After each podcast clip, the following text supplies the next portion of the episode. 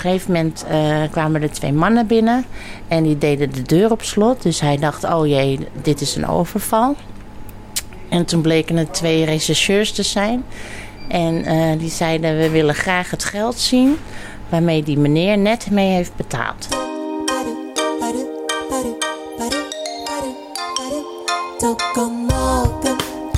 Dit is Tokomokum. Een podcast van Reboot Verhalenkunst over bijzondere Indische en Indonesische toko's in Amsterdam.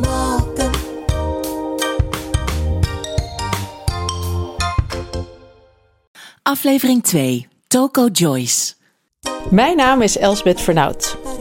Ik ben een van de oprichters van Reboot Verhalenkunst, een collectief van kunstenaars met Indische en Molukse roots. Ik werk als theatermaakster en ben opgegroeid met Nederlands en Indisch eten. De Indo's en Molukkers die na de Indonesische onafhankelijkheid naar Nederland kwamen, voelden de heimwee misschien nog wel het sterkst in de keuken. Toko's, vaak winkel, afhaalrestaurant en eethuisje ineen, boden uitkomst. De eerste werden in Nederland in de jaren 50 geopend. Ik ben voor deze podcast op zoek gegaan naar de mooiste verhalen achter de Indische en Indonesische toko's in Amsterdam. Ik sta hier uh, voor Toko Joyce op het Waterlandplein in Amsterdam Noord. Ik zie uh, veel oranje in het interieur, een heleboel schappen vol potjes die zo netjes in het gelid staan dat er een, uh, heel veel aandacht aan is besteed. En een hele grote vitrine vol met lekkers. Wordt nu ook driftig besteld. En achter de counter staat onder andere Gwendol Lacé. En zij is eigenaresse van deze toko. Samen met haar broer. Alles goed? Ja, zeker. En helemaal als ik al dit lekkers zie. Als ik het goed begrepen heb, is jouw vader begonnen met deze toko. Ja, klopt. Uh, meer dan 50 jaar uh, geleden. Maar eerst met een rijdende kar. En uh, daarna in een winkel. Jij dacht altijd al, ik wil deze toko ook overnemen. Nee, juist niet. Omdat het heel hard werk was, zag ik aan mijn vader. Maar ja, toch erin gerold. Het bloedkruid waar het niet gaan kan. Precies. En hij zat toen omhoog. Dus wil je hem even bijspringen, ja, dan doe je dat. En vervolgens nooit meer weg. Voor je het weet heb je drie toko's, hè? Of hoeveel toko's hebben jullie in Amsterdam? Op dit moment nu uh, één in Amsterdam-Noord en één in Purmerend. En eerst ook op de Nieuwmarkt, als ik het goed heb begrepen? Ja, klopt. Die sinds uh, zomer 2022 hebben we die niet meer helaas, uh, want uh, die werd te duur. De huur werd elke keer omhoog gegooid en de omzet was niet meer als voor de corona. Dus hebben we dat van de hand moeten doen. Maar hier loopt het nog als een tierenlier, hè? Ja, zeker weten. En het gaat hartstikke goed. In Purmerend ook. Ja. Nou, nu uh, heb ik jou gevraagd om een uh, speciaal recept van Toko Joyce met mij uh, door te nemen. Want ik wil natuurlijk alle geheimen onthullen van het succes van deze toko. En welk recept van jouw vader heb jij gekozen? Ik heb gekozen voor de peppersan, de hele makreel in een hele hete sambalsaus. Daar komen mensen voor over heel Nederland komen die hier halen. En uh, ze nemen ze zelfs ook mee op vakantie en worden illegaal ingevoerd naar Canada en Amerika. Dus heel uh, beroemd. En hoe komt dat? Wat, wat is er zo speciaal aan deze Ikan Peppersam? Nou, alles wordt uh, gemaakt met verse kruiden. De rauwe makrelen komen binnen uh, van een visboer die ook al 50 jaar aan ons levert. En dan uh, maken we de boemboe zelf door verse kruiden, kleine rauwetjes, te malen in een hele grote maalmachine. En dan smeren we die makreel in. Dan gaat het de oven in. En vervolgens uit de oven pakken we het in bakpapier. In Indonesië is dat in bananenblad. Maar dat is te duur in Nederland. Dan nog in bakpapier en dan weer terug in de oven. Ja, dus het is een tweetrapsraket. Ja, en zodat die kruiden helemaal lekker erin kunnen trekken. En uh, ja, in principe als je zo'n peppersan eet met witte rijst en een beetje groente... ja, meer heb je niet nodig. We hebben ook nog de andere vissen. Die zijn dan van... Kan je ze laten zien? Gebakken makrelen. Um, de ikan paté is met patébonen. En dan heb je uh, ikan bali, die is een zoetpittige saus. En die twee verkopen we in alle twee de filialen. En de ikan rujak en de ikan madura die, en de ikan achar, die verkopen we ook in Amsterdam-Noord. Of op bestelling in Purmerend. Patébonen, voor wie het niet weet, eh, worden ook wel stinkbonen genoemd. Ja, want ehm, als je ze eet, eh, kan je niet meer zoenen daarna. en je eh, urine ruikt er ook naar, maar dat komt omdat het je nieren zuivert. Dus het is ook nog eens heel gezond. In Toko Joyce ligt alles waar het moet liggen. Eigenaresse Gwendel kan er echt van genieten als de toonbank en de vitrine er zo aantrekkelijk mogelijk uitzien. S ochtends vroeg als we beginnen, gaan we de toonbank weer opnieuw helemaal eh, mooi indelen en aanvullen. En dan ja, wil ik dat dus dat het eruit ziet als een plaatje, want dat is je visitekaartje. Op kleur, dus dat je niet eh, dezelfde kleuren naast elkaar legt. En steeds op een andere plek. Anders denken mensen dat het er al een maand ligt en dat het er al een maand oud is. Dus eh, ja, dat vind ik echt het leukste. En als het dan helemaal af is, dan kan ik echt genieten van een mooie toonbank. En ziet jouw huis er thuis ook zo mooi gesorteerd uit? Nee. ik ben thuis de slordigste. Wat is eigenlijk het oudste voorwerp in deze toko? Het oudste voorwerp ben ik? Nee. ik, eh, we hebben een hele speciale foto in Purmerend van mijn vader met een eh, Chris. Is nog op eh, jongere leeftijd. En dat is mijn meest dierbaarste eh, in de toko. Hij is natuurlijk eh, vorig jaar overleden. Als iemand anders zijn vader overleden is, die gaat gewoon naar kantoor. En niemand heeft het meer over zijn vader. Maar elke dag is er nog iemand die over mijn vader begint. Hey Camille, jij werkt al 30 jaar in Toko Joyce. Ja, ruim 30 jaar. Wat blijft er zo leuk aan hier werken?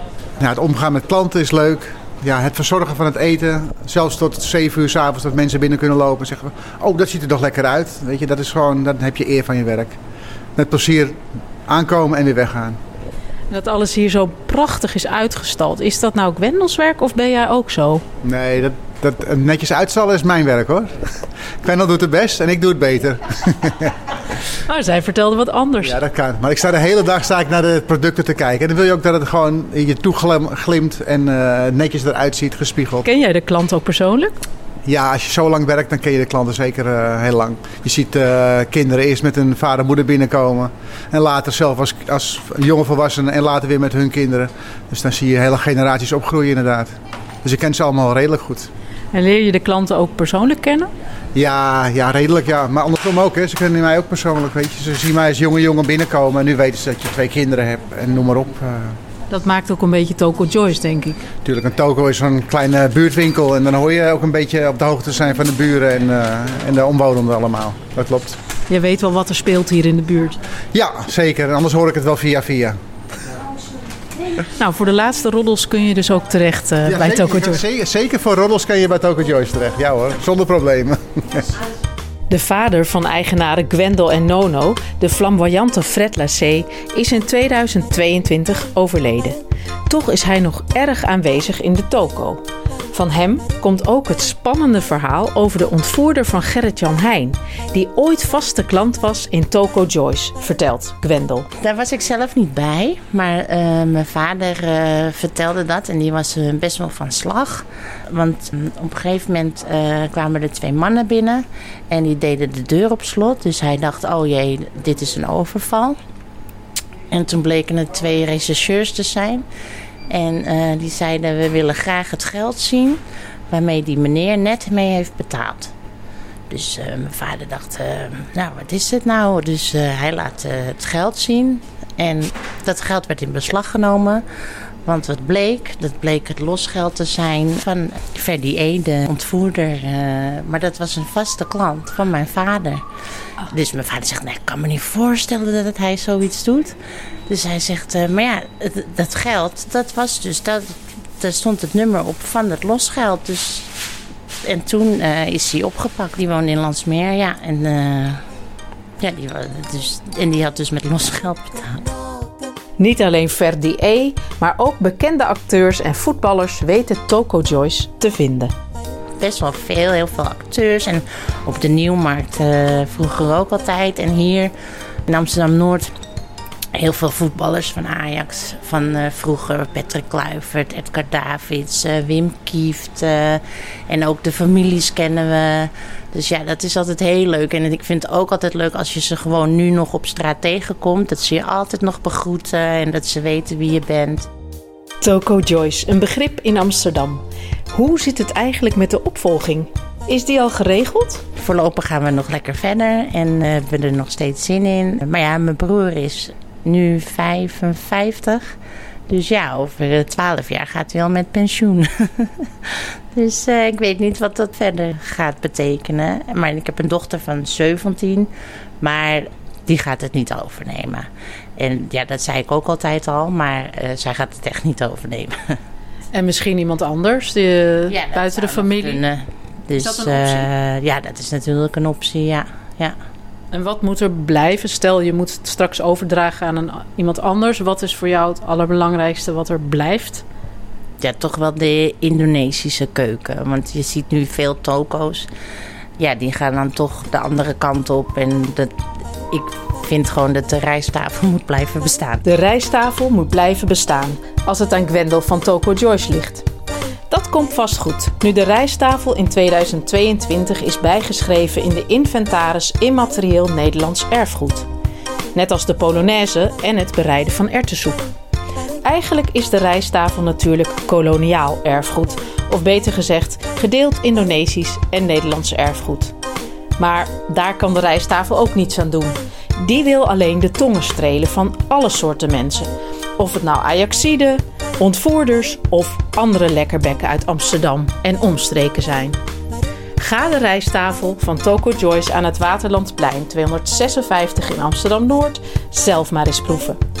Of probeer de ikan bali of de ikan peppesan, die zelfs worden meegesmokkeld naar Canada en Amerika.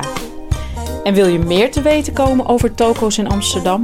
Bezoek dan de expositie van Reboot Verhalenkunst, Toko Mokum in het Amsterdam Museum aan de Amstel nog tot en met 28 januari 2024 te zien. Met onder andere een videoportret van Toko Joyce. Slamet makan! Dit is Toko Mokum. Een podcast van Reboot Verhalenkunst over bijzondere Indische en Indonesische toko's in Amsterdam.